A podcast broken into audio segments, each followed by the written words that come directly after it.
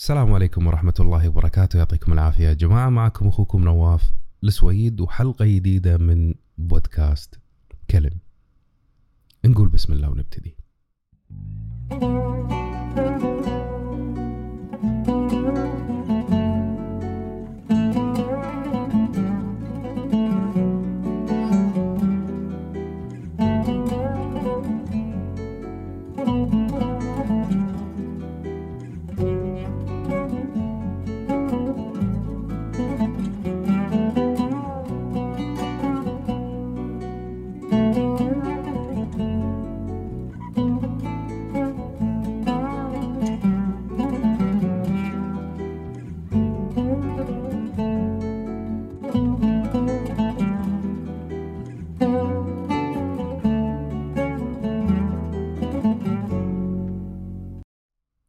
ومرحبا فيكم أعزائي المستمعين في كل مكان في حلقة جديدة من بودكاست كلم. هالحلقة راح نخصصها شوي حق تطبيق تو بادي يطلع تو بادي ينتشر.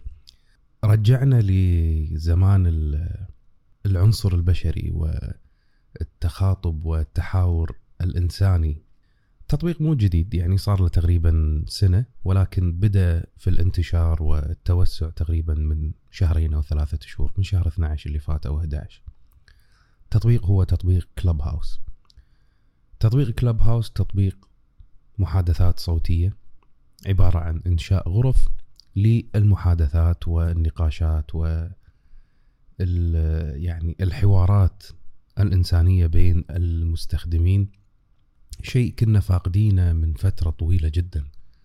شيء فقدناه من بعد ظهور السوشيال ميديا وظهور آه، أوج يعني انتشار السوشيال ميديا اللي زادت من الشخصانية أو الوحدانية أو التفرد خلنا نسميها بأن كل صانع محتوى أو كل شخص في شبكات التواصل الاجتماعي وهو قادر أنه ينشئ المحتوى ويقدم محتوى للمتابعين وممكن إنه يحصل ردود وتعليقات من المتابعين ولكن ما في تفاعل فعلي مباشر حقيقي بين صناع المحتوى واللي يقدمونه والمتلقين.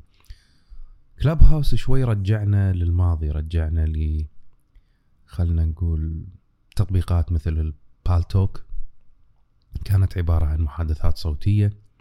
المحادثات هذه كان فيها مشاركات بين الناس فهو رجعنا لهذا العنصر وهذا العالم الإنساني اللي إحنا افتقدناه وخاصة بعد جائحة كورونا في العام الماضي. فقدنا الجمعات فقدنا الدواوين فقدنا اليمعة والقعدة بيننا وبين بعض. هذا البرنامج رجعنا شوي لهذا الشيء. وفي حركة حاليا موجودة في في السيليكون فالي. هي العودة للإنسانية أو أنسنة التقنية. هما يعني هي مثل حركة movement صايرة الحين humanization human أو humanization لما أتوقع الكلمة هي humanization أنسنة التقنية والعودة لخلق تقنيات تهتم في العنصر البشري. قاعدين يشوفون بأن إحنا ابتعدنا عن آه، تقديم الأشياء الإنسانية أو اللي من المفترض من الأساس إنها هي تكون تخدم الإنسان وتخدم حياتنا. ولكنها توجهت أكثر إلى تطوير التقنية وأن التقنية هي اللي تأخذ مسار الأمور وتأخذ زمامها. ف وايد شركات الحين قامت تطلع للعودة للتقنية. واحدة منها اللي من اللي قاعد أشوفه هو كلب هاوس رجع النقاشات رجع ال- التفاعل بين الناس في ناس ممكن تشوفهم أنت في منصات أخرى ما يتكلم ما يشارك ما يعطي ولكن في منصة كلب هاوس تلقاه يعطي ويشارك و و إلى آخره. خلني بس أتكلم بشكل بسيط وسريع عن الكلب هاوس، شنو هو الكلب هاوس؟ كلب هاوس مثل ما ذكرت تطبيق جديد عبارة عن غرف للمناقشات وتكوين النقاشات والمناظرات والحوارات والمنتديات من خلال هذا التطبيق. التطبيق مقارب ومشابه للفكرة للبودكاست وهو عبارة عن تطبيقات صوتية. فهذه فكرة التطبيق بكل بساطة واختصار. الحلو بالتطبيق واللي قاعد يسويه حاليا هو طريقة دخولك للتطبيق. هو حاليا موجود لأجهزة الآيفون فقط وحاليا قاعد يعملون على تقديمه ل أو برمجته لكي يعمل على أجهزة الأندرويد ولكن هو يعتمد على الدعوات. فأنت ممكن تدعي أصدقائك أو تدعي مجموعة من الناس للدخول للتطبيق. ما في دخول يعني تسجل وتدخل البرنامج ما في هذا الشيء. فكرة الاسم الكلب هاوس لو بتشوفها في يعني خارج التقنية كنا نسمعها مثلا في ملاعب الجولف حق الناس اللي تلعب جولف إنه يسمون النوادي تبعهم أو الأماكن اللي يروحونها club house أو بيت أو مكان لجمع مجموعة من الناس للحديث عن topic معين أو موضوع معين أو شغلة معينة فيكون مثل نادي مصغر لهم. فمن هني طلعت هذه كلمة club house فكرة التطبيق أنا احسها يات من هذا الشيء إنه يكون في عندك أو فكرة ال invitation أو الدعوات خاصة داخل التطبيق إن أنت أيضا ممكن تنشئ نوادي للاهتمامات المعينة أو الأفكار المعينة فيكون فيها members أو أعضاء وليس فقط مستخدمين. ف ممكن أتوقع بأن فكرة ال invitation أو الدعوات جات من هذه الفكرة إن أنت برنامج Clubhouse فهو خلينا نقول شيء محفوف مو حق الكل فما تدخله إلا بدعوة. هذه الشغلة عطت التطبيق آه، عنصر التشويق انه أبي أدخل أبي آه، أبي أشوف هذا العالم شنو يعني ليش الإكسكلوسيفيتي اللي مسوينها هذه أو الحصرية اللي مخلينا انه غصبا عليك لازم يكون عندك دعوة علشان تدخل حتى لو سجلت تحتاج بأن يكون في شخص مسجل في التطبيق علشان يعطيك دعوة أو يسمح لك بدخول هذا النادي الكبير أو هذا المكان. أتوقع إنها راح تنفتح بعد فترة ولكن يعني حاليا هي عنصر أو حلاوة دخولك للكلب هاوس. بعد ما تدخل راح تلاقي في غرف كثيرة ونوادي كثيرة، مواضيع كثيرة.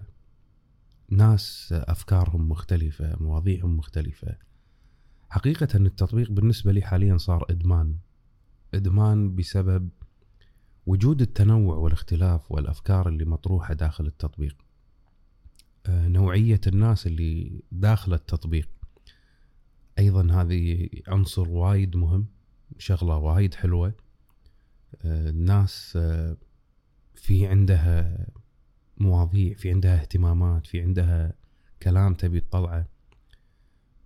ابدا ما تخليك تنظر لعمر الشخص أو صورته أو تسمعه فقط تسمع كلامه تسمع عقله. البرنامج فعلا آه، رجعني لمقولة سقراط وهي تحدث حتى أراك فعلا تخليك تشوف الناس وأفكارهم. ممكن أنت تكون متابع لبعض الناس في إنستغرام أو في تويتر أو في أماكن أخرى من شبكات التواصل الاجتماعي ولكن عمرك ما سمعت أفكارهم أو شفتهم شلون يتكلمون أو طريقة حديثهم. الحديث يخليك تفهم الناس ويخليك تعرف آه، أكثر. خاصة إذا ما قاعد تشوفه خليك تركز بنبرة صوته بطريقة كلامه. بنوعية الكلمات اللي ينتقيها ويقولها. تحس إن هذا الإنسان مثقف الإنسان هذا قاعد آه، يستعرض عضلاته يسوي روحه إنه هو فاهم. سبحان الله تبين. ف تطبيق جدا جميل. أتوقع له نجاح كبير خاصة بعد دخول شخصيات مهمة ومشاهير مهمين. آه، أعطوا البرنامج قوة أكبر. انتشاره أتوقع أنه راح يكون واسع آه، راح ياخذ صيت وايد حلو. ولكن أتمنى أنه ما ينباع بسرعة خاصة لبعض الشركات اللي تبي فقط الاستحواذ علشان تطلع من وراه فلوس. شنو البزنس موديل أو الاستراتيجية اللي راح يمشون فيها علشان يطلعون فلوس؟ لا زالت لهم الحين غير معلومة ولكن أتمنى أنهم يدخلون في طريق السبسكريبشن أو الاشتراكات سواء كان لمنشئين الأندية يسوون اشتراك ودخول الممبرز أو الأعضاء ياخذون نسبة آه، إعلانات بين الغرف آه، يعني في في كثير من الطرق لكسب المال ولكن أتمنى إنه يبتعدون عن الإعلانات. لأن زهقنا صراحة زهقنا من الإعلانات وكثرتها و... والتطبيقات اللي تعتمد على الإعلان وعلى عرض آه، منتجات فقط لكسب المال وخلاص المنصة هذه تصير فقط للإعلانات والبروموتد ads وهالسوالف. بإذن الله إن شاء الله راح يكون في فيديو راح ينزل. عن عن التطبيق وطريقة التعامل معه ولكن مثل ما ذكرت أنه حاليا هو عن طريق ال invitation أو الدعوات فقط.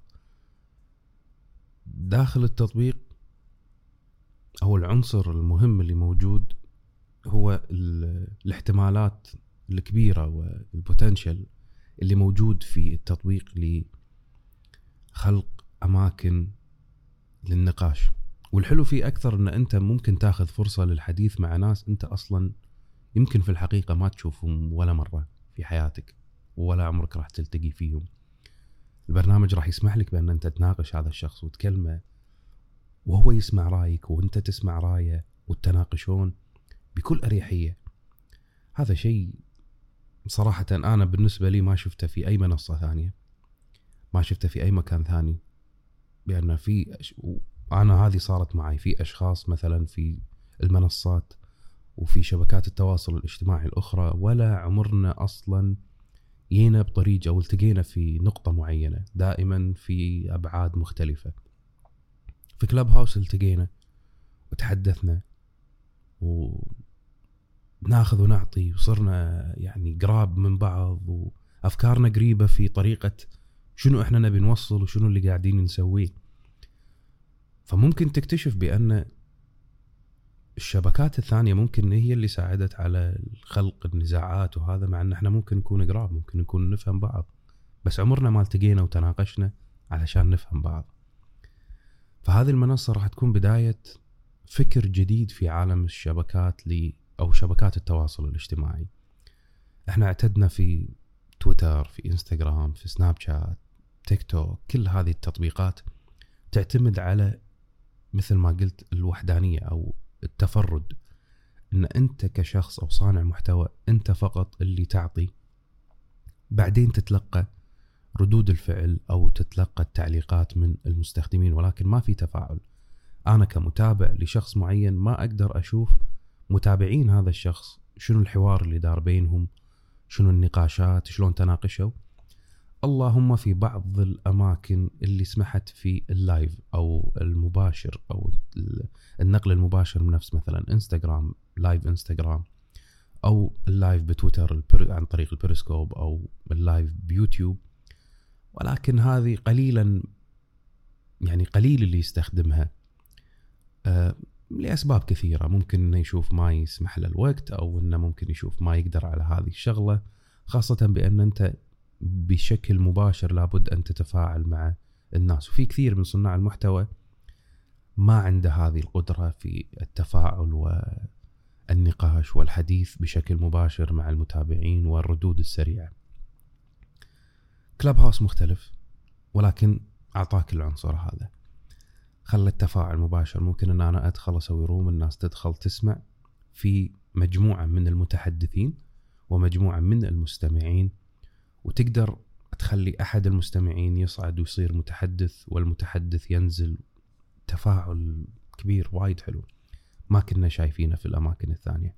فالأماكن الثانية مثل ما قلت كانت تعطيك التفرد والتوحد إن أنت بروحك تسوي اللي تبيه وتقدمه حق الناس. ولكن كلاب هاوس راح يردنا لعالم المشاركة والأحاديث المختلطة والكثيرة مو لازم أنت بس اللي تتكلم وهذا الشيء اللي ما نبيه إنه مو بس أنت اللي تتكلم. هناك غيرك متحدثين ومفكرين وأصحاب آراء يبون يتكلمون ويقولون ممكن يختلفون معاك ممكن يتشاركون معاك بنفس الفكرة. فهذه نقطة وايد مهمة راح تحسب لهذا التطبيق.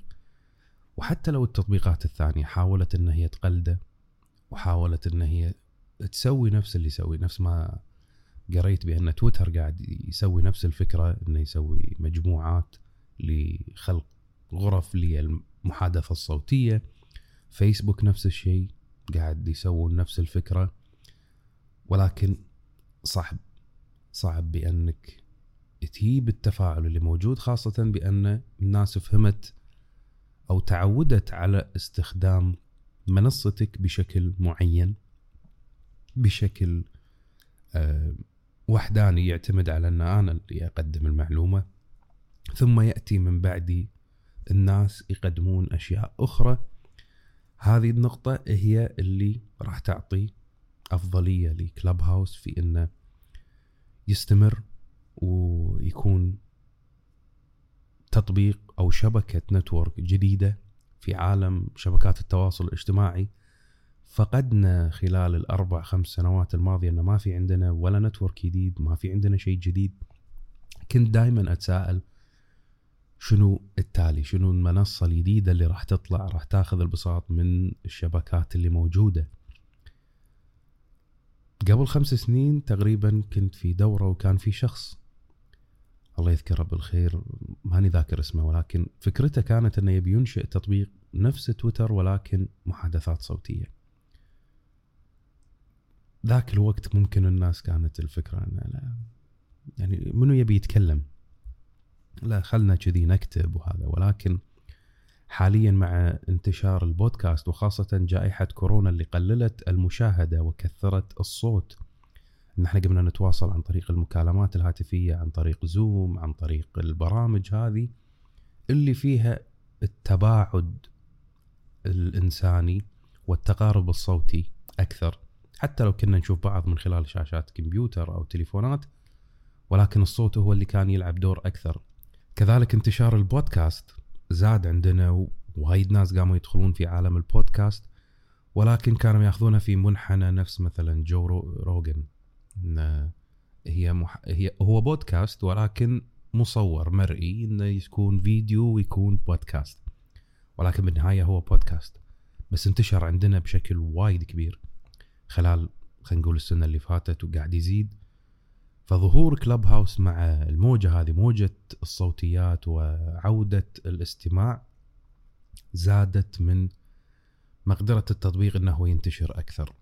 وبعض الأمور اللي صارت فيه نفس مثلا آه، تقديمهم لل musical لل Lion King قدموها من خلال Clubhouse وكان الحضور تقريبا 3400 شخص استمعوا لمسرحية Lion King من خلال تطبيق كلاب هاوس فالأفكار والطريقة اللي ممكن إن أنت تستخدم فيها التطبيق كثيرة وحلوة وفيها فكر جديد و أتمنى الاستمرار وأتمنى نوعية الطرح اللي موجود داخل كلاب هاوس خاصة اللي أنا أشوف الحين طرح عميق حلو في بعض الغرف فيها من الفكاهة واللي ما منه فايدة ولا معنى ولكن أنت تحتاج هذا في حياتك تحتاج شوي الجد والمرح يكون ممزوج في الحياة عشان ما تكون مملة.